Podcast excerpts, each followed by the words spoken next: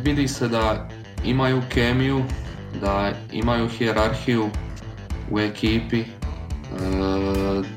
dobro su vođeni, naravno. E, ozbiljno se pripremaju za svakog protivnika, dođu spremni na svaku utakmicu, ne pobjeđuju samo doma, dobili su sinoć u Monaku. E, naravno, štarka arena, no, neosvojiva tvrđava,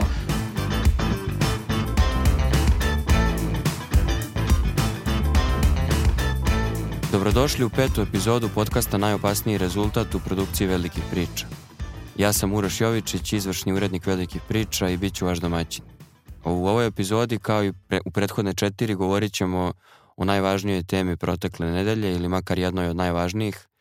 Svaki put imamo težak izbor, međutim ovoga puta izbor nam je olakšao košarkaški klub Partizan.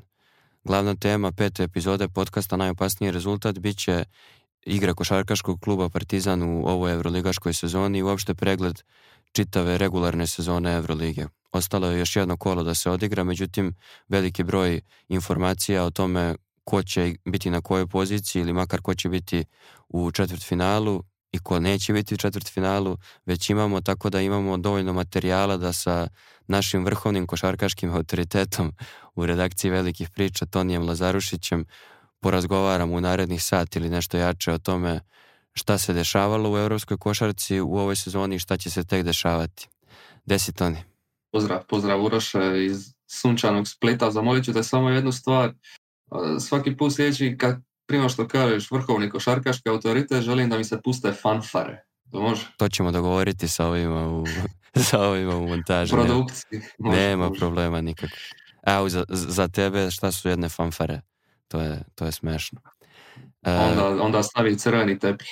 Tako je, ali to kad, bude, to kad budeš došao da snimamo neku epizodu uživo, na primjer tokom top 8, kakav je plan, jel da budeš u Beogradu, pa ćemo snimiti makar jednu NBA epizodu uživo, onda će biti crveni tepih, ali mora biti i so i pogačar, sve po narodnim. Sve, i... sve, sve kako samo Srbi znaju. radno i paradno, tako je. E, Može predlažem da, da počnemo ovu epizodu laganim pregledom rezultata posljednjeg odigranog kola, to je pretposlednje kolo regularnog dela Euroligije. Nećemo prolaziti utakmicu po utakmicu, važno je da naglasimo da su i Crvena zvezda i Partizan ostvarili pobjede. Crvena zvezda je pobedila Olimpijakos u utakmici koja za zvezdu nije imala preveliki značaj, ali bi Olimpijakosu mogla da zakomplikuje život. A Partizan je na gostovanju u Monaku vodio, onda u jednom trenutku delovalo da će se prednosti stopiti Mislim da je u jednom trenutku bilo 55-53, onda, je, onda se pojavio D i Partizan je otišao na bezbednu udaljenost i priveo meč kraju. Na kraju je presudila trojka Kevina Pantera, koji je sa pola koša prednosti povećao prednost na četiri nedostižna poena i to je bilo to. E, Partizan je time obezbedio svoje mesto u top 8 u play-offu Euroligije i na taj način ostvario, rekao bih, ključni cilj ove sezone, mada će u, svi u klubu i Željko Bradović isticati da je osvajanje ABA lige prvi prioritet. Od rezultata u pretposlednjem kolu, ovom poslednjem odigranom, verovatno je najvažnije istaći još i da su Žalgiris i Baskonija pobedili, tako da će te dve ekipe u posljednjem kolu e, odlučivati o tome, ne u međusobnom susretu, ali će odlučivati o tome ko će biti taj osmi E, učesnik e, e, play-offa a Barcelona je porazom od Armanija ispustila dobru šansu da preuzme prvo mesto nakon što Olimpijakos izgubio u Beogradu. Barcelona je imala penal da protiv Armanija dođe do prve pozicije pred posljednje kolom, međutim ekipa Šaruna sa Jasikevićiju se to uspjela da prokocka. Uh, sad kad smo, je li ima nešto što te iznenadilo u ovom posljednjem odigranom kolu? Pa ne baš, jedino eventualno to što kažeš, taj poraz. E, poraz Barcelone od e, Milana kojemu utakmica ništa nije značila, ali očito su igrali za čast. Za ponos bar je prokockala nekakvu šansu da, da, da bude prva, ali sve ostalo više manje je bilo očekivano. Ja sam možda očekivao pobjedu Makabija protiv Žalgirisa, ali eto, kao nas još jednom se pokazao kao pa dosta tvrd teren. Žalgiris, e, i, ovo... Žalgiris i imaju finiš kao Manchester City u Premier ligi. Ne mogu, da, ne mogu posljednje utakmice u regularnom delu da izgubi. Na kraju će stvarno biti šteta, iako u Srbiji u regionu generalno postoje podeljena mišljenja makar o Žalgirisu, ali bit će šteta što jedna od te dve ekipe na kraju neće igrati, neće igrati u top 8. Međutim, da, meni je posebno, posebno mi je žao Žalgirisa koji je ostao bez Evansa ono, na sredini sezone i ja sam očekivao da će se oni raspast potpuno bez njega, čovjek igrao u MVP razini. E, međutim, evo, imao dobrog trenera i baš su fajterska ekipa. I da, i nevjerojatno kako su, kako su neke utakmice izlačili ona protiv Zvezde, da Zvezda imala, mm čini mi se, osam pojena prednosti i onda neke one trojke koje su izbukli bukvalno iz bunara. Ali to je ono kad gledaš utakmicu i vidiš da će na kraju tog napada koji se, da lopta ispada 500 puta, da ne mogu da se povataju, da će na kraju tog napada da pljusne neko trojku i onda pljusnu dve. I bilo je takvih nekoliko utakmica gdje su oni izlačili kestenje iz vatre i bukvalno ono cedili su u drenovinu što kaže deseterac.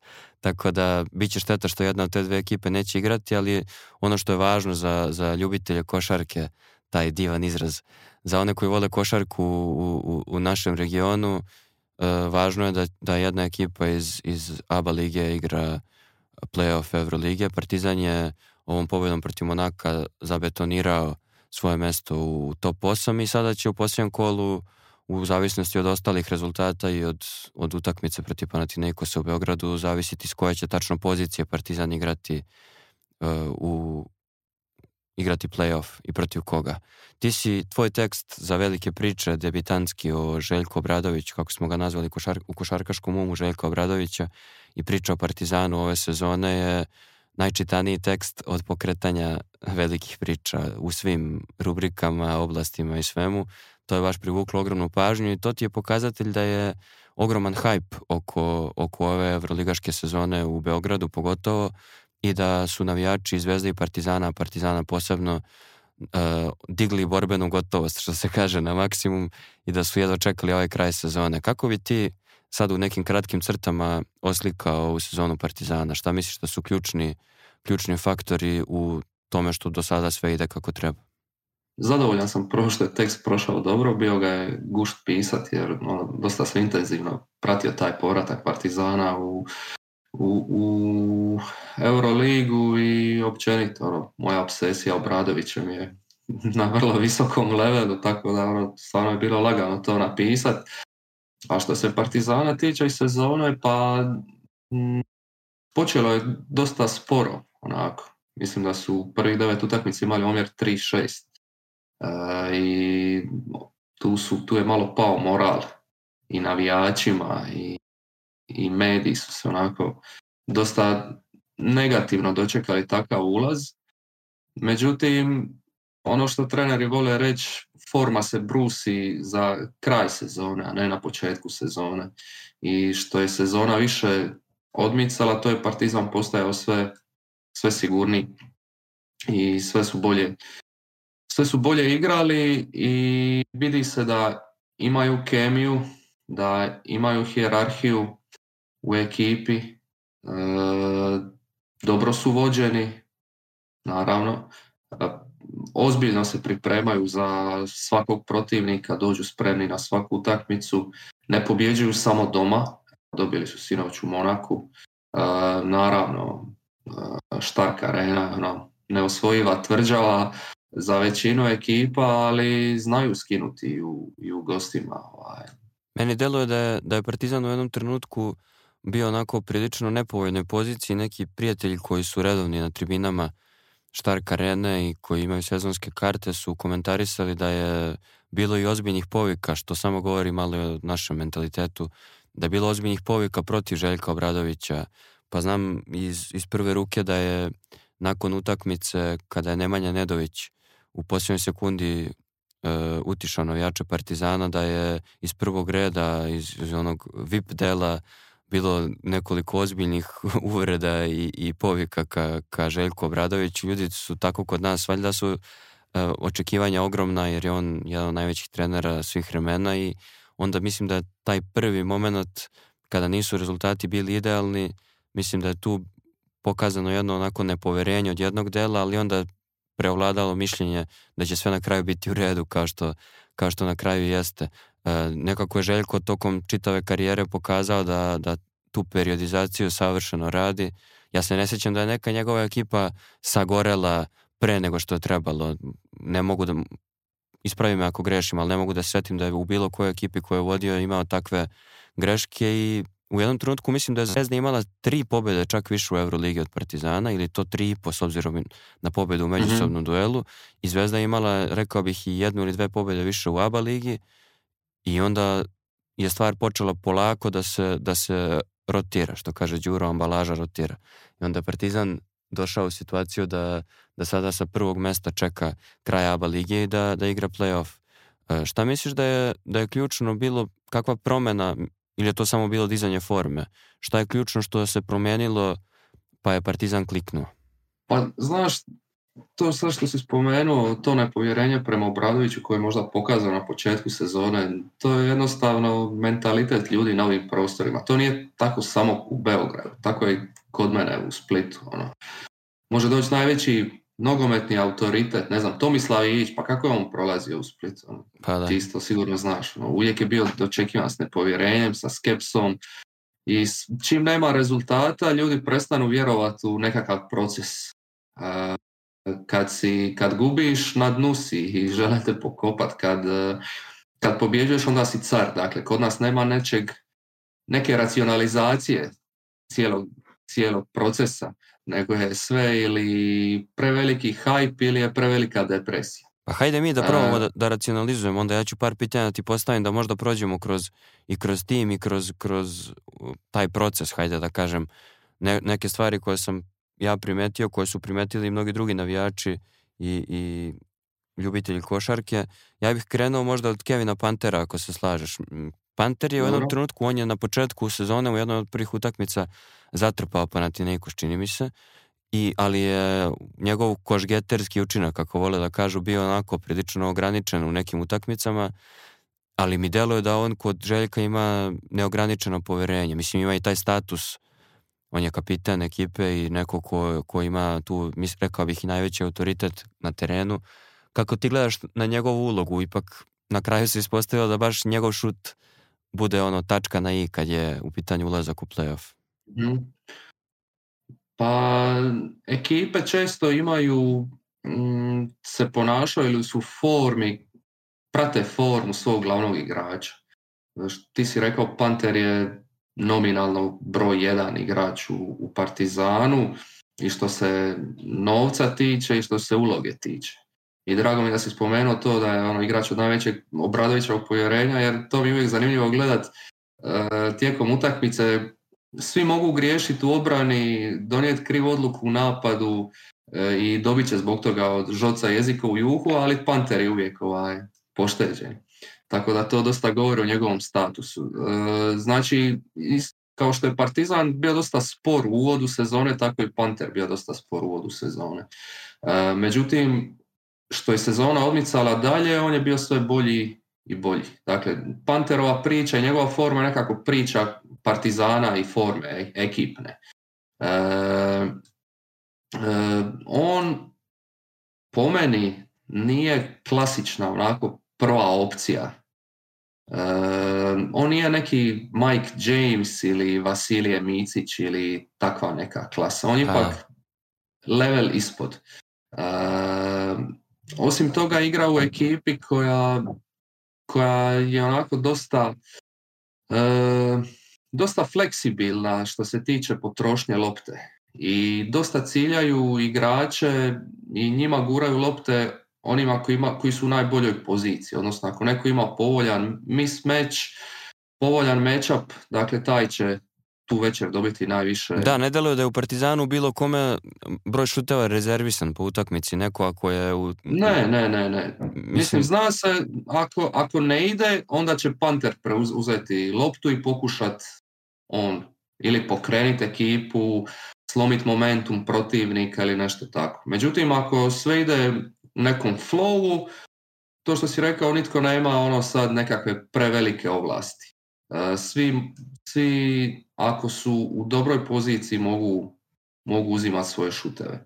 E sad, moj problem s Panterom je taj što kažem, on je klasična prva napadačka opcija jer on nije playmaker. E, iako ga Partizan dosta često koristi kao primarnog ball handlera jer znamo onu priču koja se vrti već dvije godine, nema pravog pleja, jel? Da, da. E, često ga se stavlja u tu poziciju i on je često korišten kao mamac. Ekipe znaju da je on najbolji igrač Partizane, ekipe se najopasniji napadač, ajmo reći, ako ne najbolji igrač, već e, Ekipe se specijalno pripremaju za njega. Da, ja bih rekao da, da, da, i njegove brojke, mislim da je on na 50, 40, 90 po procentima, ili makar bio do, do, do mhm. posljednjeg odigrano kola, mislim da i to nekako jeste autoritet, moraš da vodiš računa, moraš da izađeš na svaki šut, moraš da posvetiš posebnu pažnju i onda to otvara prostor. Apsolutno, apsolutno i to otvara prostor. Drugi mi kaže, tu ga Partizan koristi kao nekakvog mamca na kojeg će se obrane fokusirat, a onda se otvara prostor negdje drugo. Međutim, ono, on nije igrač koji će suigrač oko sebe činiti bolji on je ipak više igrač koji je ono, egzekutor, finisher. On će zabiti svoju kvotu poena, zabit će kad treba i to je to. Ali nije igrač koji će, koji će asistirat deset puta po utakmici. Međutim, opet kao to što ste ti rekao, brojke su mu vrhunske. E, deset je najbolji strijelac e, Eurolige. E sad, e, kako će to izgledat u play-offu, to će biti zanimljivo jer hoće li ekipe znati iskoristiti to što on nije play što mu nekad fali agresivnosti i sigurno će ga dosta pikirati u obrani.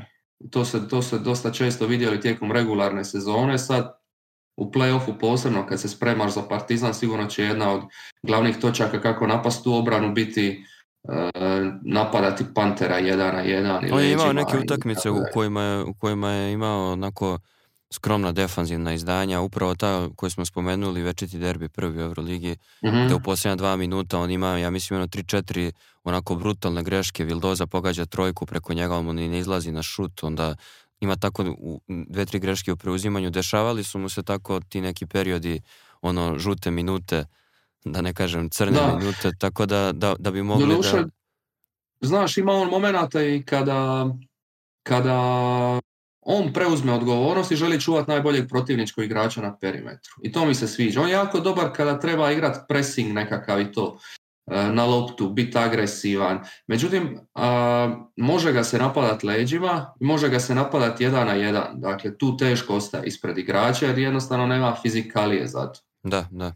E sad, ima jedan ono, na nivou TMZ-a trač o tome kako je zapravo jedan od faktora koji su doveli do toga da, da Obradović ima toliko povjerenja u Pantera, to je još možda prošla sezona ili nisam siguran nisam siguran tačan period kada je, ali još uvijek je u Beogradu se dešavalo da u talasima po nekoliko nedelja ljudi se masovno zaražavaju i onda, onda je su Panteri još jedan igrač e, koji je došao tu iz inostranstva e, prišli Željko Obradoviću, to je makar priča takva i rekli mu da ne žele da koriste taj svoj slobodan dan koji imaju jer ne žele da rizikuju da se zaraze zbog ekipe i tako dalje, da ne žele mhm. izlazak i to i onda im je Željko rekao da nemaju od sad jedan nego imaju dva takva dana u nedelji i da, i da jer valjda kako sam razumeo dinamika unutrašnja i hijerarhija je postavljena tako da se zna ko je tu bos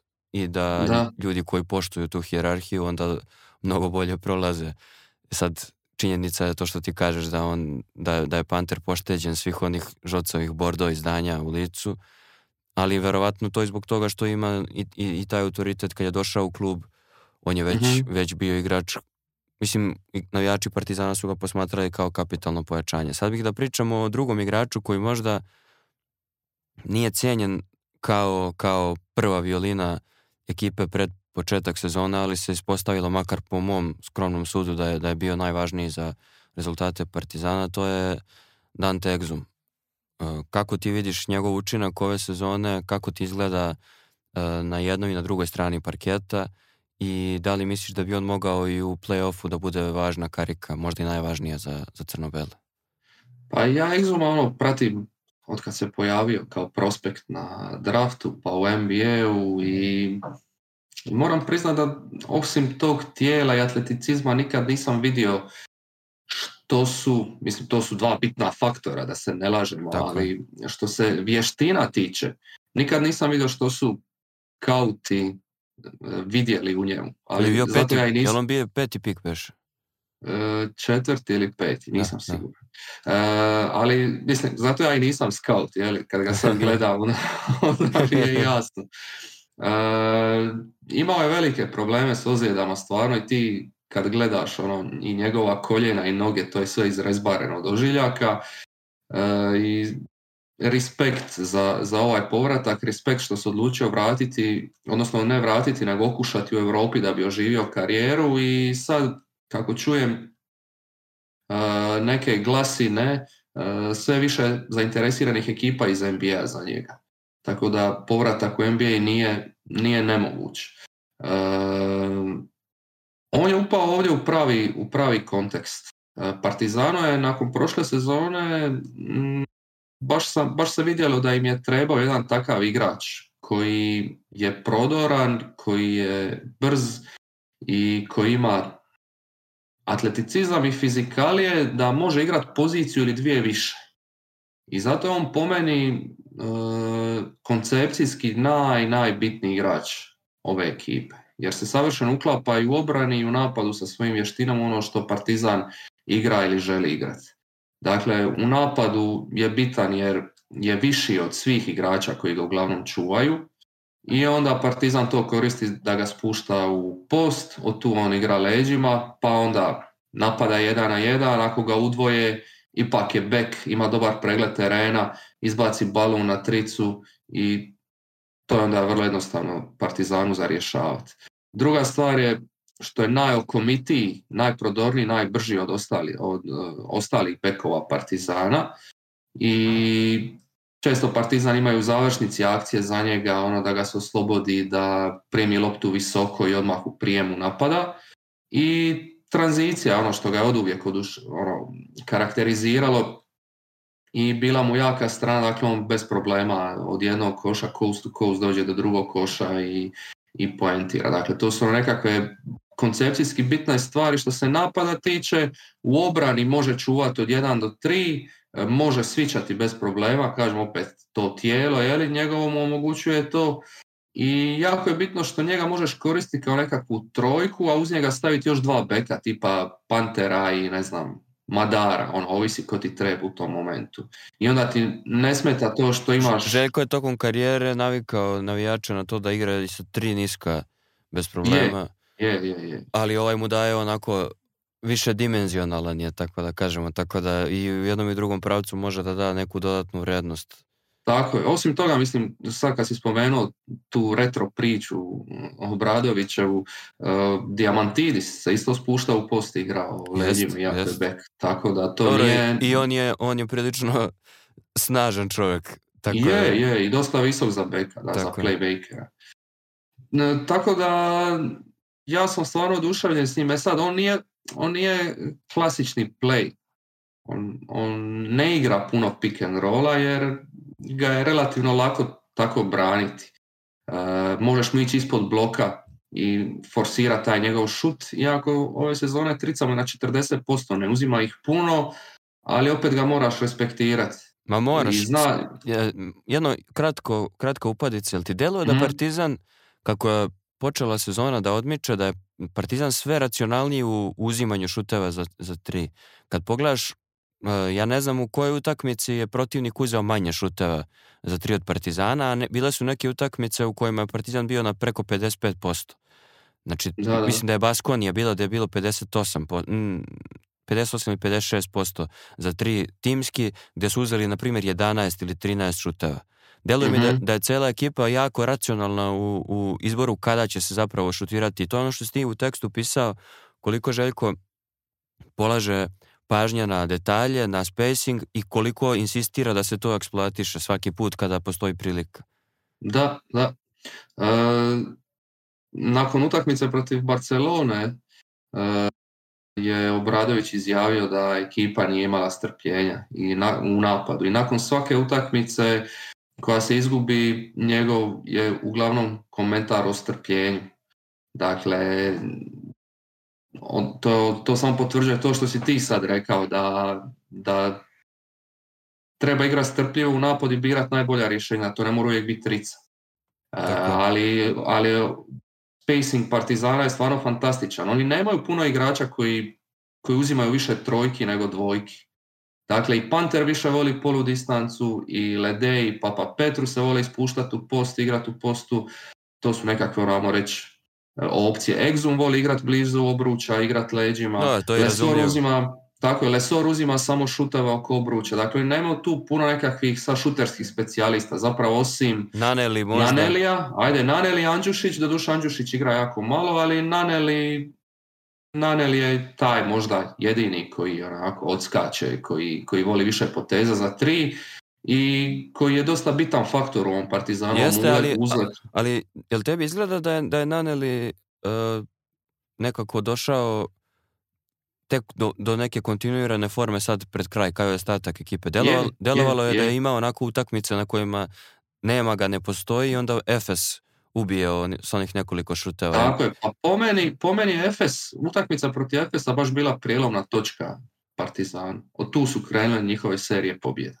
Jest, jest. To je ono baš, baš nešto što ih je diglo, ako ćemo s neke psihološke strane tražiti nekakvu prijelomnu točku. To, to je bilo to i, i pa Naneli e, u dosta utakmica ove sezone je participirao samo sa po nekoliko minuta. Što je meni uvijek bilo čudno, jer ono, znam da je to jedan od najboljih šutera u Euroligi što se brojki tiče e, kroz karijeru, i, a Partizanu treba šuta. E, međutim, eto, očito se i on pronašao kad je ekipa kolektivno kliknula, pojavio se e, i on. Tako da još jedan se igrač, lijepo Još jedan igrač koga treba imenom istaći, to je svakako Matijas Lesor. Neverovatna prom... E, ok, možemo pričamo o toj promjeni na, na, na terenu. Čovjek je igrao u Beogradu već pre nekoliko sezona, nije mogao da pogodi odbojku u, u Morači sa 5 cm za, za titulu u Jadranskoj ligi u dresu Crvene zvezde, sada igra neke stvari koje su na nivou, da ne preterujemo, ali na nivou nekog backup centra u NBA ligi, ali, ali ono što je meni zanimljivo, kakva je promjena nastala kod njega u, mentalno, kako je mislim da djeluje mi da je on nekako jako važan faktor u toj hemiji i tom odnosu e, čitavog tima sa navijačima. Lesor napravio onu glupost protiv Zvezde u, u drugom euroligaškom derbiju i onda se zaleti na, na tribinu sa navijačima Slavi, nekako cela ekipa je počela da odlazi posle utakmice tamo do šipke sa, sa najvatrenijim navijačima da proslavlja pobede ili da ono sa navijačima tuguje i mislim da je i to onako bio jedan važan faktor da, da, da sve klikne i da Partizan ima ovakvu atmosferu kakvu ima u ovom trenutku. Kako ti vidiš Lesora ove sezone s obzirom na to da čak i kada timovi eksploatišu njegova loša slobodna bacanja, on uspeva da ima kontinuiranu produkciju? Uh, Lesor je čista energija. Ma da. Dakle, čista, čista energija, ti jednostavno, mislim ja nisam nikad na profesionalnom levelu igrao takvu košarku, ali ja kad gledam utakmicu ili na TV-u ili kad sam recimo na gripama, e, gledam Splita, e, kad vidim takvog igrača koji se ubija od posla i igra jako puno minuta i ne odustaje i bori se, bori se, pa skok, pa blok, pa blokada, pa se baci za loptu, pa, pa se hrabri, pa dolazi što kažu, Što kažu kod nas krvava kolena, krvava kolena. Tako je, i jednostavno ja poželim se spustiti na parket i ajmo brate skupa u taj rat. a, posebno, a ne su igrači kad su tu, a ne su igrači tu kad su onda pored njega. Naravno da, da ga moraju pratiti, nije on jedini takav. To se, to se jednostavno, ono što kažu, energija je zarazna i to se onda prenese na cijeli tim i ja mislim da je on tu glavni katalizator slažem se s tobom, te glavne kemije, te kemije na, na, na rosteru Partizana. Dakle, on je taj koji, koji pokreće ekipu, koji ima dobru komunikaciju s navijačima i tako dalje. E, ti si rekao mentalno sazrijevanje. Ono, mi očito moramo svaki put kad pričamo ovdje o nekim centrima reći da centri kasnije sazrijevaju. Ali, ali to je očito stvarno slučaj s njim. Ok, sad bi netko mogao reći, čekaj, kako je to sazrijevanje, došao i napravio onu glupost sa Petruševim, pa je onda e, penje se po šipkama i navija, pjeva ne znam kakve pjesme, ali dobro, e, bitan, je, je parket i on se tu dobro uklopio u taj partizanov agresivni stil. Ti ako ćeš Lesora držati kao nekog ko, i tražiti nekakve, da obavlja za tebe konzervativne ili bazične zadatke, nećeš ga dobro uklopiti. Jer e, Lesor, usprko svom tom fajtu, haslu koji ima i energiji, Lesor i dalje dosta onako... Uh, ne znam kako da kažem, a da me sirov. se Sirov. ali nije do kraja pouzdan u obrani. On i dalje ima baš ozbiljne defenzivne felere koje pokazuje u postavljanju, u čitanju igre, u fauliranju i takvim nekim stvarima, u nesposobnosti da skuži gdje treba rotirati. Stvarno se to može dosta često vidjeti na utakmicama, međutim, paše mu što se od njega u ovom e, partizanu ne traži da, ajmo reći, razmišlja puno. Njegovo je da bude agresivan, da iskače, da se bori, da se trudi i on je tu fantastičan. Ako mu to omogućiš, onda od njega možeš dobiti centra kako si sad dobio koji možda ono čak i potencijalno most improved player u Euroligi ili nešto tako. E, doduše ima malo sreće, a na, recimo to tako, sreće u Partizanu što je jedini pravi zapravo centar na rosteru. E, Koprivica da, je Barša, bolestna. Barša ima onu povredu, dalje Šaka bila, pa onda mm-hmm. mononukleoza, bilo je, baš, baš ga je poteralo loše. A deluje mi da je od mladih igrača on kod Željka uspeo da, da zavredi najveće poverenje. Tako da nekako se Lesoru poklopilo i da iskoristi Balšin izostanak. Je, i igra najviše minuta u ekipi. Šest je po minutaži na, gledajući cijelu Euroligu. E, I ima te dobre brojke i napadački skok i realizatorske. Mislim da je, ako se nešto nije promijenilo u zadnja dva kola, i dalje broj jedan što se tiče napadačkog skoka. Međutim, opet Znaš, će biti zanimljivo vidjeti u play-offu kako će se snaći, jer recimo utakmica protiv Barcelone je super pokazala kako su ga oni branili. Kako su oni ga box outali, e, dakle Veseli, Šanlit, kogo bi ga čuvao, svaki put kad Partizan šutne, e, igrač koji čuva lesor uopće ne gleda loptu i ne ide po taj skok, nego po skok idu, ne znam, Abrines i Mirotić, a sve što radi igrač koji čuva lesora je drži lesora što dalje od obruća, da ne može doći je Delo je da je Barcelona stvarno odlično pripremila tu utakmicu, iako je, bilo i malo natezanja koje nema veze sa, sa samim parketom ili ima veze, ali nema veze sa igračima, iako je bilo tih nekih čudnih odluka, iako je Partizan, kako je Žeko rekao, bio nestrpljiv, opet deluje da je Barcelona stvarno u tim nekim detaljima ozbiljno neutralizovala Partizanove e, jače strane i u drugom delu ove epizode ćemo pričati o, o predstojećem play-offu, potencijalnim parovima, pa ćemo se dodatno e, fokusirati na, na to šta su prednosti, a šta mane Partizana u potencijalnom četvrt finalu. Predlažem da odemo na kratku pauzu, pa u drugom delu emisije pričamo malo o Crvenoj zvezdi i nekim o razočarenjima u, u ovog regularnog dela Euroligije i posvećujemo se uh, play-offu. Čujemo se brzo. Čujemo se.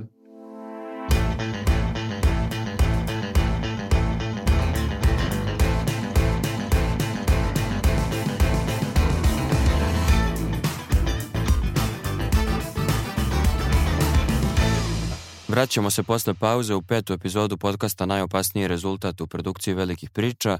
Sa druge strane žice iz sunčanog Splita javlja se, e, sad će fanfare, javlja se vrhovni košarkaški autoritet e, redakcije velikih priča Toni Lazarušić. E, pričamo o Euroligi, apsolvirali smo šta se desilo u posljednjem odigranom kolu, apsolvirali smo i kako je Partizan kroz priču o nekim od ključnih igrača i kroz priču uopšte o, o, o celoj situaciju u klubu, o hemiji i atmosferi, kako je Partizan došao do play-offa. Sad ćemo pričati o drugom regionalnom, drugom srpskom predstavniku u Euroligi. E, pisao si osim o košarkaškom umu Željka Bradovića, pisao si o zvezdinom nespretnom tangu u vojničkim čizmama Duška Ivanovića. Bio je zanimljiv naslov. E, da. da. autor naslova kaže da je zanimljiv naslov, baš odvratno ali svakako... Ali svakako... Samo da se zna tvoj naslov. Tako je, tako je, tako tako da, ali svakako jeste zanimljiva ova i trapava nekako bila zvezdina sezona. Ispostavit će se, što je paradoksalno da, da pored svih problema i turbulencija navijači zvezde će spomenuti onu trojku Nikole Mirotića iz auta koja je prelomila sezonu, iako je bilo mnogo važnijih e, stvari koje su prelomile Zvezdinu sezonu, ali da, Zvezdi jedna ili dve pobjede će nedostajati do top 8, a bilo je makar pet ili šest strašno jeftinih poraza.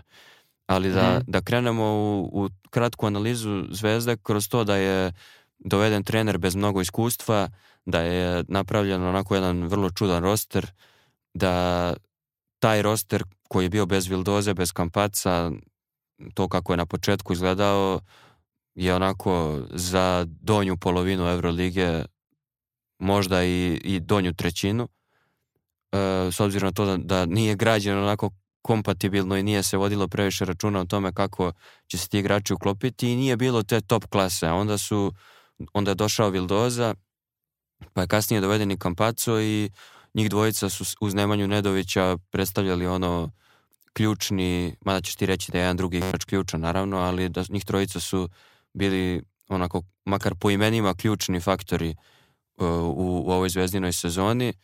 Bilo je i nekoliko administrativnih propusta uprave Crvene zvezde, blamaža sa Topićem koji je na kraju završava sezonu na, na ružan način.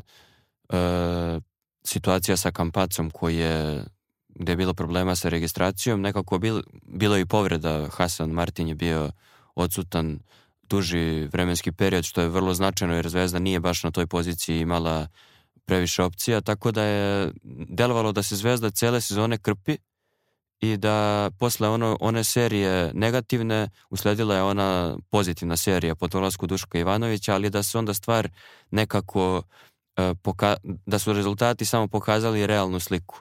Kako tebi izgleda s obzirom na to da će stvarno Zvezda doći možda i do rekordnog broja pobjeda u jednoj Euroligaškoj sezoni. Znaš koji, je moj glavni problem sa Zvezdom ove sezone? Znam, to što... ali nećemo sad o tom. Dobro. moj glavni problem je što je ovo bila čista improvizacija od sezone. Pa to. Ovo ništa nije, ovo ništa nije bilo planski.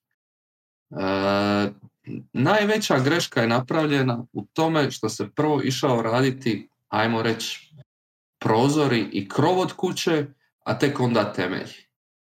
Dakle, ti si prvo složio roster bez glavnih igrača. Tu si imao jedino Nedovića kao nekakvog, ajmo reći, glavnog igrača.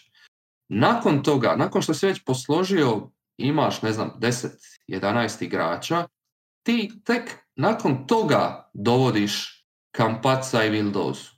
Umjesto da je obrnuto. Prvo potpišeš njih, ok, mogu razumjeti kontekst zašto se ih se nije moglo potpisati, zašto se čekalo i tako dalje.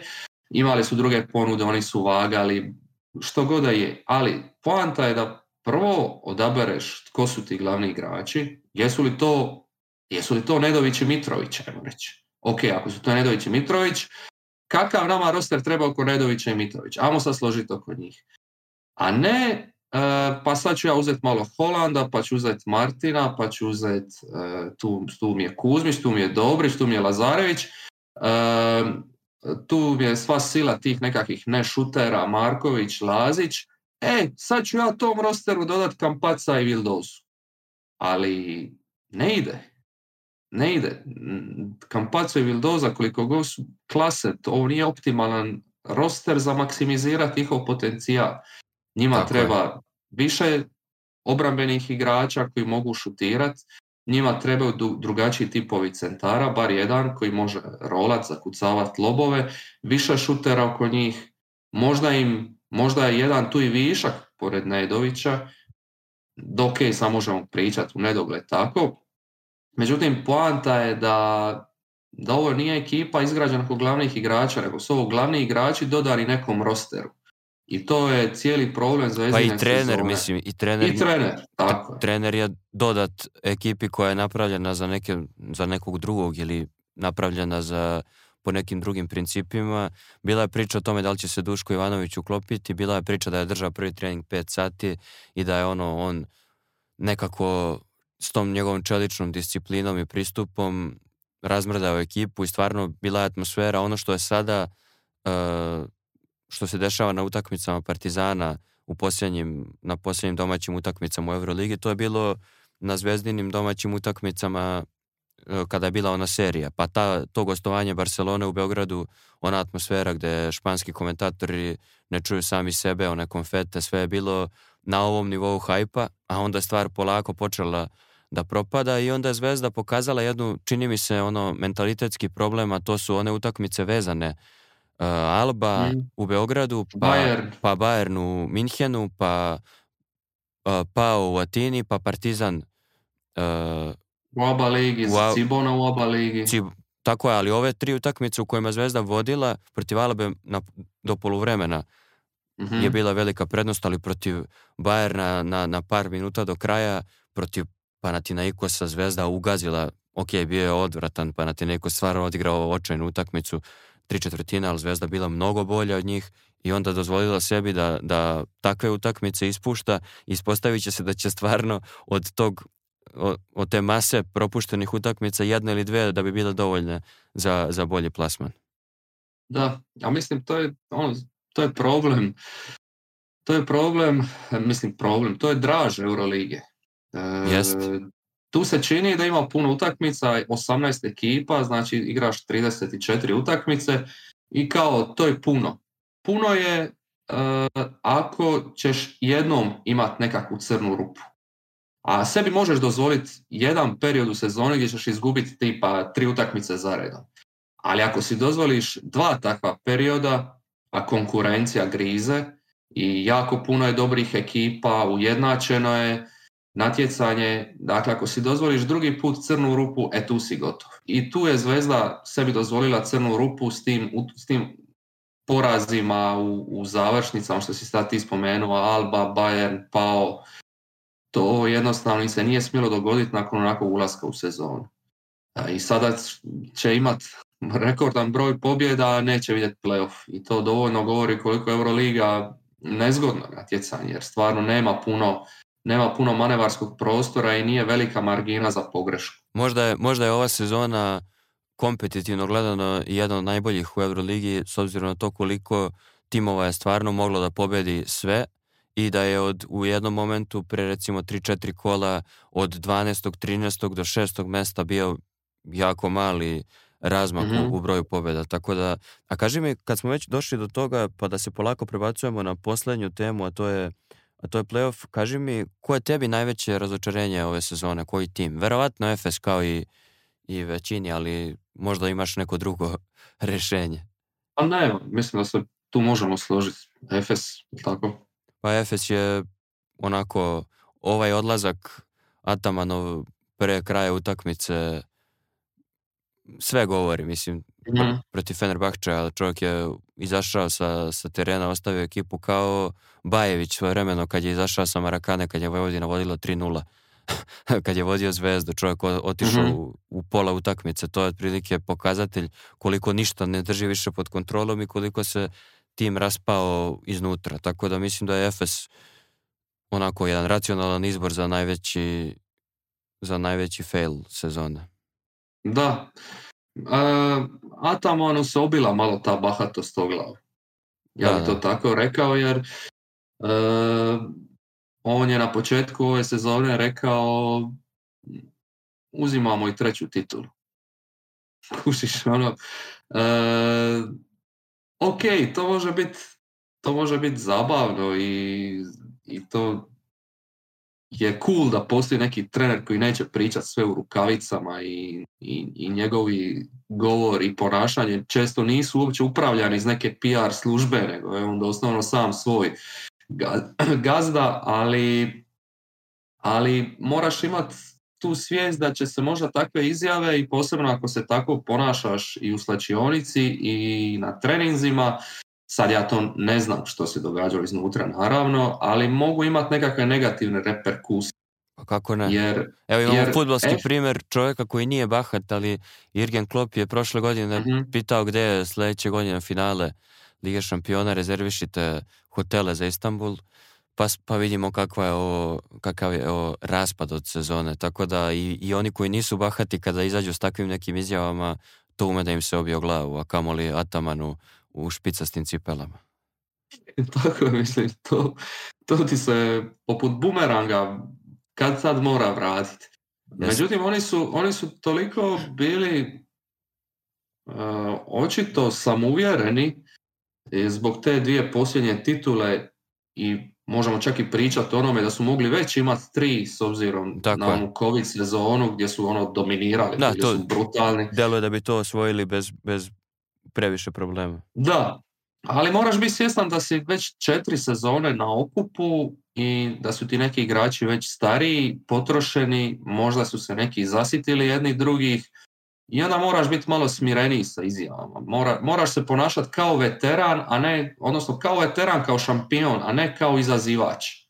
Meni bi bilo puno primjerenije da je Barcokas izašao recimo i rekao nešto tako nego Ataman. Ataman je trebao to što bi vi u Srbiji rekli, iskulirat i, i odradi to drugačije. A to je malo problem, to se dešavalo i ranije i u drugim sportovima, znaš i sam te primjere kada, kada neki trener ili neka ekipa globalno gledano, kada ne mogu da izađu... Da, i kada ne mogu da izađu iz te uloge izazivača, da su navikli da, da, da, da oni mhm. jure i da onda kad treba da čuvaju to nešto da to baš i ne ide, ne ide tako. Sad možemo tar, taman ovo ovaj dobar šlagor da se prebacimo na, na ovaj deo gdje ćemo da pričamo o, o, o potencijalnim četvrtfinalima i o ljudima koji će zapravo preuzeti krunu od, potencijalno od, od, od i od Atamana. Ima tu dobrih kandidata. Kako ti vidiš e, raspored? Mislim, Olimpijakos ako pobedi Baskoni u posljednjem kolu, bit će prvi. Misliš da je to realna, realna opcija, s obzirom da su zakomplikovali sebi život sa tim porazom od Zvezde u Beogradu? Pa jesu, ali mislim da će da žele ostati prvi i da mislim da tu pobjeda ne bi trebala doći. Doći u pitanje, opet, znaš, zanimljivo je, jer i Baskonija se bori za goli život, tu može biti svašta i znamo kakva je Baskonija ekipa koji krene trica, stvarno su nezgodni, ali Olimpijakos, ono što mi se kod njih cijelu sezonu sviđa, je to što e, igraju non stop u visokom ritmu, Dakle, ono, u nekih velikih oscilacija u formi i elita su, mislim su top 3 i u obrani i u napadu. Da, da, on, i imaju trenera koji, koji je već više puta dokazao svoj kvalitet i da, da, da ume da, da postavi ekipu na pravi način i da ono što smo pričali za Partizan, da, da mu timovi imaju hijerarhiju i atmosferu i sve što je potrebno. Apsolutno i ostalo on je osvojio Euroligu sa Olimpijakosom, dakle ima i taj know-how što bi rekli Ameri i to je i možda čak i taj nekakav, reći, grčki, grčki mentalitet kad je njihova košarka u pitanju, ako dođu, ako dođu na Final Four ono, ne možeš ih pocijeniti nikako. E, deluje, da bi, deluje da bi drugo mesto mogla da bude Barcelona s obzirom na to da, da Barcelona i Real imaju a ko ima bolji skor, Barcelona ili Real? U međusobno eh, Joj, mislim da je Real. E, da, onda, onda Barcelona nema, nema šansu da bude, da bude druga, znači da je Real drugi svakako zabetoniran, s obzirom na to da ima pobjedu više u ovom trenutku, i ako ima bolji međusobni skor, eh, to što gostuju u Izraelu, Makabiju, neće previše onda da poremeti eh, konačni plasman. Onda u tom slučaju, znači Olimpijakos je prvi, s pobjedom protiv Baskonije naravno, a, Real drugi na kraju regularne sezone. Kako ti izgleda Real? Oni imaju onako masu talenta, imaju ta tela, fizički su i oni, mhm. i oni vrlo dominantni, imaju se, imaju Musu, e, imaju takve igrače koji, koji imponuju kad ih gledaš, ali, ali mi deluje da nekako da im fali to nešto, taj neki faktor koji će sve to da poveže. Možda je to trener, možda atmosfera. Kako tebi izgleda Real? Sve si dobro rekao, Real stvarno ima talenta puno i oni već neko vrijeme slijede taj princip gradnje rostera da će se nakrcat fizikalcima, jakim igračima koji individualno mogu rješavati neke stvari koji su između ostalog jaki individualci, dakle to su i Deki, Abuseli, Hezonja, i Tavares, i Poirije i tako dalje. E, međutim, e, često mi izgledao dosta neuvjerljivo u oba smjera. E, posebno ekipe koje pronađu način kako napadati Tavaresa imaju dosta uspjeha protiv njih. E, Partizan je recimo neke stvari radio super u zadnjoj, zadnjoj utakmici. E, I osim toga, to je ekipa koja, koja, po meni nedostaju dvije stvari, a to je e, jedan dobar playmaker koji je malo povezao redove jer oni igraju jako puno jedan na jedan. E, non stop traže, mislim slično kao i Partizan, dakle otprilike dvije dosta onako slične ekipe koje se vole gurat, koje vole igrat agresivnu košarku jedan na jedan, e, ali falim tu nekakav Sergio Rodriguez od ranije, koji bi malo kada sve stane u kao Tavares u pick and roll i odigrao nešto. Pronašao šutera u, korneru. I šuteri također ono ekipi nije ja, šut jača strana, trica. Imao dosta tu igrača one koji užasno puno osciliraju. Mislim da e dosta, govori, mislim da dosta govori to da je Musa, čini mi se da je najbolji strelac u NDS ligi i u, i u mhm. e-, Euroligi. Najbolji strelac ekipe. Što naravno treba odati priznanje momku koji je napravio ono dva koraka, tri koraka unazad u karijeri da bi onda mogao da nastavi da ide napred i, on ima, on je mlad, on ima 23-24 godine, a igra na ovom nivou, ali realno ako je on najbolji strelac, to pokazuje koliko je eh, real okrenut individualnim rješenjima, da to tako kažem. Je, je, je. I mu su dosta često koriste, evo u zadnje vrijeme opet eksperimentiraju sa handlom na playu, ali Musa je većinu sezone bio mm, kao nekakav, ajmo reći, primarni kreator koji bi pozivao akcije i tako dalje. Dakle, po tome vidiš da, da im treba još nekakav back, ala recimo kampac, ajde, ajmo reći tako nešto, da se vrati sad tamo, mislim da bi to bio pun pogodak za njih, E, ali opet ne možeš, ne možeš ih nikad pocijeniti jer rekli smo imao jako puno talenta i tu imao igrača koji, par igrača koji ti mogu zabiti 20 bez problema. E, od Deka, Hezonje, Muse, e, Tavares ti može napraviti probleme u sredini. Dakle, ono, to opet moraš sve to opet moraš sve respektirati, ali kada dođe neka gusta završnica, tko je tvoja broj jedan opcija tu? Pa da, ispada da je Musa, to, to ipak ne uliva do kraja povjerenja da, da bi do, do, u ovom playoffu moglo da, da izađe na dobro. Ne u četvrtfinalu, finalu, ali možda do kraja. Ako Musa zaista izraste u junaka i preuzme odgovornost i reši kao prva opcija Realova i četiri finale i potencijalni Final Four, to onda govori samo o tome koliko je on dobar igrač, ali realno kad pričamo o Realu, deluje da im fali taj neki ta neka prva violina, neko ko će na, da uzme loptu kao što Panter uzme u Partizanu kada, je, kada mhm. stvari ne idu. E mhm, sad, mhm. samo da, da ostali smo dužni, e, u prvoj utakmici, to je bilo drugo kolo Eurolige, Barcelona je pobedila Real 75-73, a u e, mislim da je to 21. kolo, e, Real je pobedio posle produžetka 91-68. Oj, 91-86, pardon, u, posle produžetka. Tako da ko onda ima, šta smo, mi smo rekli da, da Real ima bolji međusobni skor. Da, 1-1 su. 1-1 su s tim da je Real dobio posle produžetka pet razlike, a Barca dva. Tako da... E, sad, kakve su tu propozicije, ne znam. Da, to je pitanje. Svakako treća ekipa u, u play-offu o kojoj ćemo pričati je Barcelona. E, imaš ti poverenje u, u Iskreno? A ja imam povjerenje Josikeviću sa što se tiče e, nekakve pripreme utakmice, što se tiče nekakvih taktičkih detalja. E, moj problem s njim što što on želi biti glavna zvijezda ekipe. Ma da, i, što, on, što on želi pobijediti utakmicu, a ne, a ne igrač. Meni deluje da, da nekad Obradović je previše oponaša, ona kad krene onako da urla na time outu, a vidiš da je usiljeno, vidiš da mu nije prirodno. Možda i jeste, mhm. ali, ne baš u toj meri. Deluje mi da bi volio da, da stegne košulju malo jače da bi se zacrvenao u licu, samo to fali još. Ali na stranu to, Barcelona ima ozbiljan tim, ima širok roster s tim da su konstantno nešto fizički u zaostatku, stalno je neko povređen, sad je Kalinić čini mi se povređen. To bi moglo da utiče svakako to kakav će biti zdravstveni bilten moglo bi da utiče na playoff i činjenica da se oni baš nisu sjajno pokazali, jel tako, sa, sa Šarasom u, u, u četvrt finalima do sada.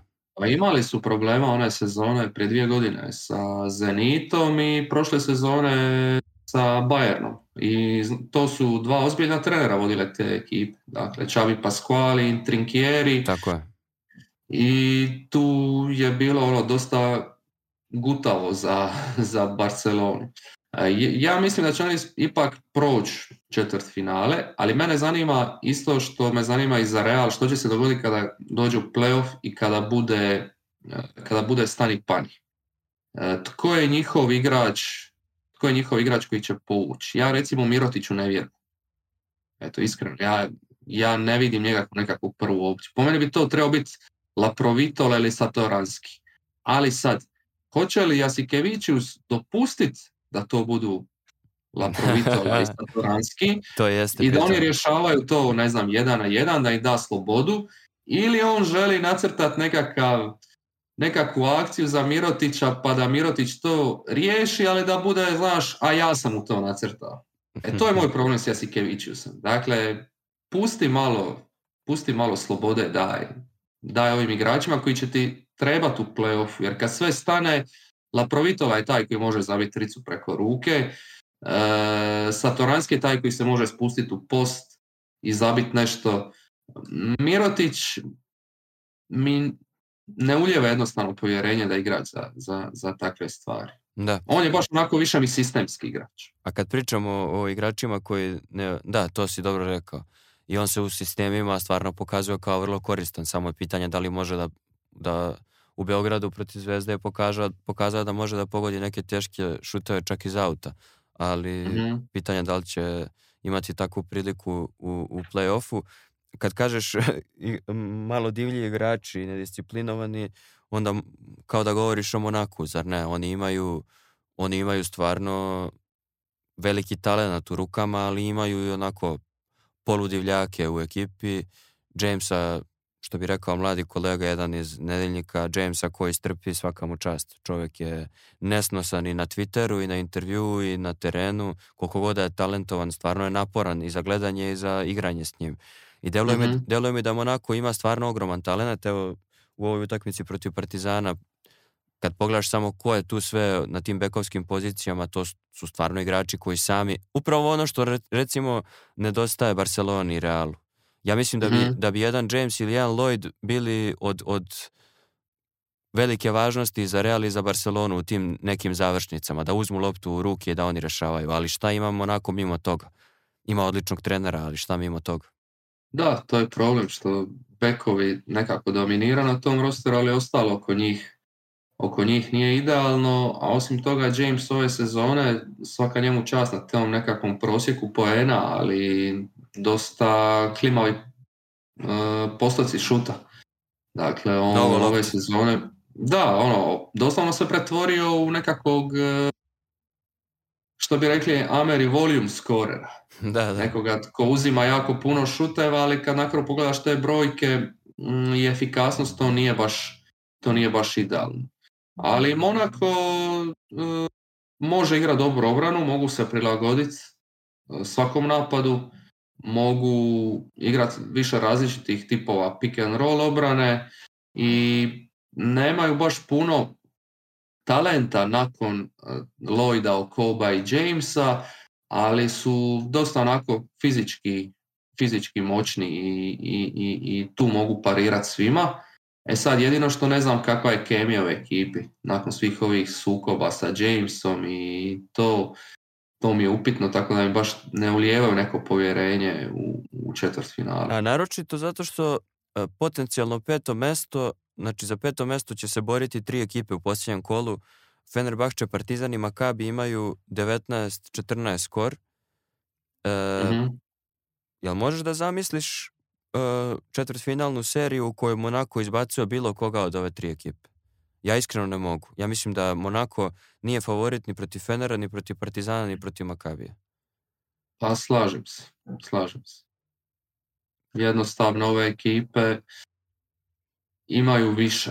Fenerbahče, na primjer, aj zapravo ajde od Partizana, Partizan E, je u dobroj formi, imao dobru kemiju i dobili su dva puta Monak. Dakle, I imaju taj domaći teren koji, koji će biti faktor vrlo u, u, u Apsolutno, to isto ne smijemo pocijeniti. Doma publika u Monaku ili publika u, u e, Tel Avivu nije isto. Najvatreniji navijač mm. u, u Monakovoj hali protiv Partizana je bio Stefan Đoković, sin Novako, tako da to dosta govori o toj atmosferi. Ali... Da, nije, nije, nije prednost. Nije prednost kao što su ostali parketi. Tako je. A Fenerbahče, rekli smo Partizan, Makavi su e, Partizan u dobroj formi. Fener e, Fener je u maloj krizi, ali ne treba pocijeniti to sve što on imao na rosteru i to što su dugo vremena bili broj 1, broj 2 e, u Euroligi, dok nisu malo počeli padati u formi, ali po meni su jedni od favorita onako i sjene. Da, ja sam ih stavio kao Dark Horse zapravo kad se uđe u top 8, mislim da imaju i oni stvarno dobrog trenera i oni su dobro vođeni. Doduše ne pokazuje se to baš u svim utakmicama, ali, ali deluje da ako se skupe, što kažu treneri, ako im se poklope malo kockice u, u playoffu, da bi oni mogli bez problema da, do, do pozitivnog rezultata. Makabi igra u nenormalnoj formi.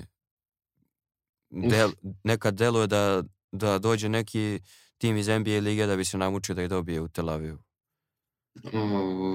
To je trenutno ekipa, evo, izgubili su Žalgiris, ali jedna od najvrućih ekipa u ligi trenutno uz Partizan.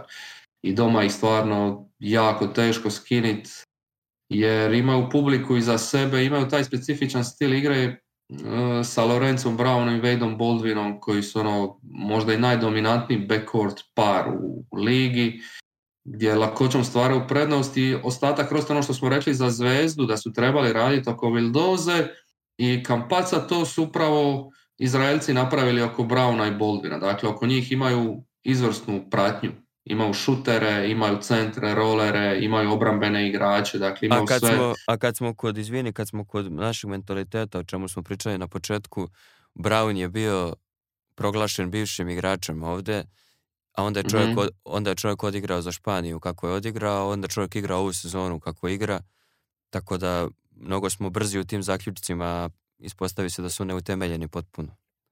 Da, ali osim toga, igrači napreduju. Tako je.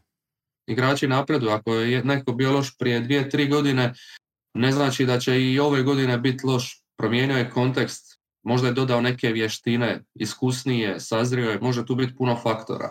A Brown baš igra, igra vrhunski. Još prije dvije godine, ono kad sam ga gledao u Unixu, je bio fantastičan. Odnosno, kad, to je bilo prošle sezone zapravo prošle sezone, da. Da, je bio fantastičan, nakon toga u španjolskoj reprezentaciji fantastičan, baš, baš general na parketu. Jeste, odigrao je baš dobro prvenstvo, možda i jedan od ključnih igrača za, za ovo što su oni uradili. Da. A, ako pričamo o tome da očekujemo pobedu Olimpijakosa protiv Baskonije u posljednjem kolu, Žalgiris gostuje Bayernu, E, Olimpijakos bi u tom slučaju mogao sa prvog mesta na, u, u playoff i igrat će protiv ili protiv Baskonije ili protiv Žalgirisa. E, mhm. Jel vidiš njih u kao neko ko će proći to črt finale? Po meni su favoriti i protiv jednih i protiv drugih. Uh, pa da. Simpatične su obje ekipe, i Baskonija i Žalgiris, ali ali e, svi ima, imao neke prevelike mane. To je da Baskonija se stvarno teško neka sastane s obranom. Ok, mogu te natrpat tricama i imaju tu nekoliko igrača koji mogu iskočiti. Imaju ovog vrhunskog playa Thompsona koji bi dobro došao svakoj ostaloj ekipi u Euroligi. E, Howarda i te neke šutere Marinkovića, Gedraitisa i tako dalje, ali previše su mi nekako banalni za playoff. Pa bukvalno, odličan izraz. banalni su, ono, igraju jedan stil, teško se sastaju s obranom i onda ne mogu im, ne mogu im vjerovati tu. Yes. A, što se Žalgirisa tiče, rekli, rekao smo na početku za Evansa, kad su izgubili Evansa, stvarno sam mislio to je to, gotovo, otpiši ih, oni su gotovi. Doveli su tog Taylora iz Efesa koji je ranije bio Efesa, nije im se pokazao neko pojačanje, nije oni polonara sad nešto da su donijeli s njima dvojicom su pokušali doknati e, Evansa, ali ono što je ostalo trademark te, te ekipe kroz cijelu sezonu je ta njihova borbenost. Dakle, oni su borbeni, oni su fajteri, oni će odvući utakmicu u blatu i onda će se nada da ti možda mogu nekakvom trojkom, što si ti rekao kao protiv zvezde, e, zagorčati život u završnici. I svaka im čast što su izvukli iz ove sezone i ovaj Jest, trener Maskvitis je stvarno je ono što se priprema utakmice tiče i prilagodbe od utakmice do utakmice, ono, stvarno respekt. I volio bi čak možda da oni uđu kao, kao osmi, čisto zato što su ono, nekako underdog.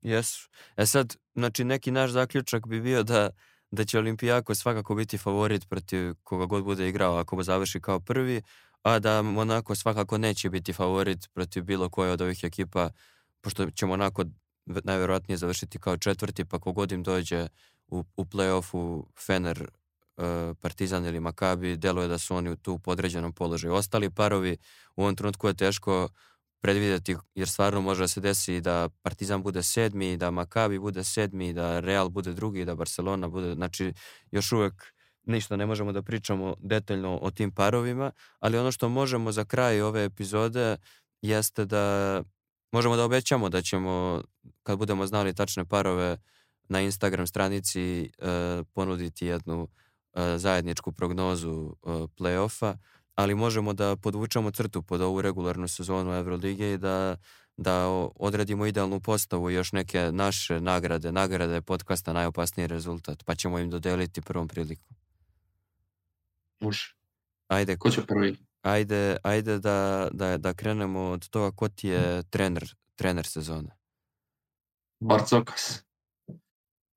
Što? Barcokas zato, zato što je odradio školski svoj posao. Ekipa mu je, rekao sam, top 3 obrambeno i napadački, broj 1 su u ligi i to je to.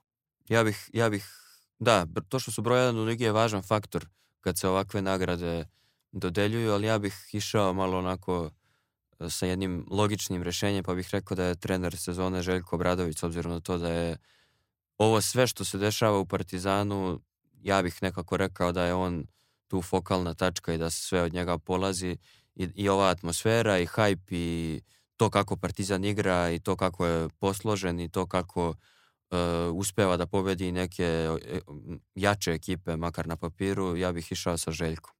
A kaži mi, ko Tako je, ko ti je, ono, ko je najviše napredovao? Uh, uzeo sam Kina na Evas. Iako je propustio veliki broj utakmica zbog te ozljede, E, napravio je nekako najveći iskorak. Lani u makaviju uopće nisam ga doživljavao ove sezone bio glavni igrač jedne ekipe i bili su na sigurnom putu za playoff do, do njegove ozljede. Tako da baš je iskočio kao šuter, kao playmaker i kao lider. Da, ja ono ja, jedan kompletan igrač. Ja bih tu opet išao sa, sa jednom domaćom, po znacima navoda, opcijom. Ja bih išao sa Lesorom. Jer sam pratio Lesora pažljivo u, kada je bio prethodni put u Beogradu. I to kako, mislim, ne mogu da se porede prošlo je dosta vremena, taj igrač i ovaj sada, ali stvarno nekako sve što on radi mi, mi deluje mnogo zrelije i to je ono, sazreo je centar je i rekao bih da je on, po mom nekom sudu, da je on možda najviše napredovao. Kaži mi, mm hoćemo prvo petorku ili prvo MVP-a? Samo da te pitam, je li ti defenzivni igrač godine Lazarević, s obzirom kao si krenuo s domaćim rješenjima? ne, ne, to, je sve, to je sve, sve od domaćih rješenja što se mene tiče. Ne znam, Dobro. Ne, ne, koga, bi, koga bi ti za defenzivnog? E, igrača? Volkapa. Meni je Volkap. Pa može. Svaka, svaka čast Tavare su, ali Volkap kad uzme protivničkog beka ove sezone pod svoje to je to. Da, da. To je to sve, što mi treba. Zaključa ga u sobu. Mračna, mračna prostorija. Slažem se, tu bih, tu bih potpisao. Ajmo onda petorku sad, da prođemo koga bi ti... ja imam Lorenza Brauna, dobro imam Musu. Može. Imam Heisa Davis. Dobro. Objasnit ćeš e, dalje. Hoću, imam Vezenkova, kojim je ujedno MVP, i imam uh, pa dobro, realno 4 od 5. Ja bih možda ubacio Egzuma, ali ajde, ako sam već preterao sa domaćim rešenjima, neka, neka ostane ova tvoja petorka. Jedino mi objasni opciju broj 3. E, to je to je što sam van, van svake objektivnosti napravio. Doduše, spreman sam se borit e, za opravdat ga. E, Hayes Davis mi se stvarno sviđa ove sezone što radi u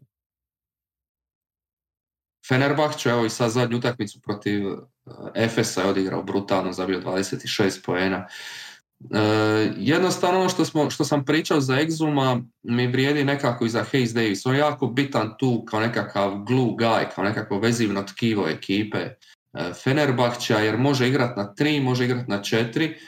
E, ove sezone ne, nevjerojatno pomalo, a i jako dobro šutira, ne možeš ga više ostavljati samog. Osim toga vidio sam da ga i Tudis dosta koristi kao nekakvu e, centralnu točku ponekad napada. Pa ako, ga, ako neki, neki Monako na njemu pokuša sakriti Majka Jamesa, Hayes Davis se spušta u post. I osim toga, Lik je fantastičan defenzivni igrač. Ako bi stavljao nekakvu defenzivnu petorku godine na euroligaškoj bazi, on bi mi sigurno bio, sigurno bio unutra. Ali jel bi bio Lazarević? Pa za Lazarević imam isto jako puno ljubavi, jer sam vam gledao nekim odličnim izdanjima i protiv Vezenkova i protiv Mirotića i nekih četvorki, ali hm, morao bi razmisliti ko, koje su mi još opcije, ali Bokap, Tavares, Hayes Davis su mi sigurno tu. Brate, a, ako mi ne dodelimo našima iz Jadranske lige, ko će da im dodeli? Pa da, moramo se briniti. Tako je. Svojima. Tako je. Slažemo se da je Vezenkov svakako obeležio sezonu individualno da, da je on MVP. Tako da prošli smo kroz nagrade, mislim da nismo ništa propustili, rekao bih da nismo. Kad su nagrade u pitanju, svakako rekao bih da je, ako postoji ta nagrada, sad ću upravo da izmislim, da je ova sezona pokazala da je definitivno najbolji grad košarkaški u Euroligi Beograd i da su i Zvezda i Partizan imali sjajne atmosfere na najvećem broju utakmica i da taj hype koji je u jednom delu sezone pratio Zvezdu, a u većem delu Partizan, ne može da se ponovi i da redko gde, redko koji grad može tome da parira. Atina je mogla do pre neku sezonu dok Pao nije doživao ovaj totalni sjeb, ali mislim da je Beograd u tom smislu najbolji evroligaški grad. Složio se ti ili ne? Ma slažem se, mislim, uopće nema tu dileme. Ja nisam tamo pa ne mogu to sve doživjeti kod ti, ali osjećam preko društvenih mreža, preko medija, kakva je to djelomično psihoza, a djelomično euforija. Jeste, jedno i drugo, rekao bih. mm hajde da završimo kako i dolikuje ovu epizodu muzičkom numerom, naravno da nećemo pustiti, ali će na kraju završiti na našoj playlisti i drugi put ćeš dobiti priliku da biraš određenu pesmu e, nadam se da neće biti Nisi ti za male stvari lutko moja, ono što smo, što smo se dopisivali kad je Partizan izborio... Ali, ali hoće nešto slično. Ali nešto slično. Pazi, e, počeli smo sa Beogradom, e, počeli smo sa time da ću ja doći. Tako je tamo i bit gost i tako dalje, i euforija je u gradu, i košarka, i sve. I ja sam nedavno bio e, na koncertu jednog vašeg velikog beogradskog pjevača Željka Samarđića kad je bio u Splitu, ja ne mogu sad ništa drugo odabrat nego to, usprkos mojoj vjeri, jel? Ovaj, ja moram odabrat e, njegovu numeru Javi mi se kad si u Beogradu koja onda ide da uz Dunav proslavimo pobjedu, jel? Tako da neka bude onda to. Hajde onda, javi mi se kad si u Beogradu pa da snimimo tu, tu epizodu o NBA playoffu. Hvala ti što si izdvojio vreme i nadam se da će ljudi uživati jednako kako su uživali u, tvojim tekstovima. Ja sam tu bio da pokvarim stvar, ali mislim da je ova epizoda da će zadovoljiti navijače svih klubova iz regiona jer je priča pre svega o košarci. E, ljudi, mi se čujemo. Mi se čujemo sljedećeg ponedjeljka ponovo. Hvala na pažnji i slušajte Željka Samarđića, mada ćemo starci reći da on nema veze sa beogradskim pevačima. Čujemo se. pozdrav. Ćao.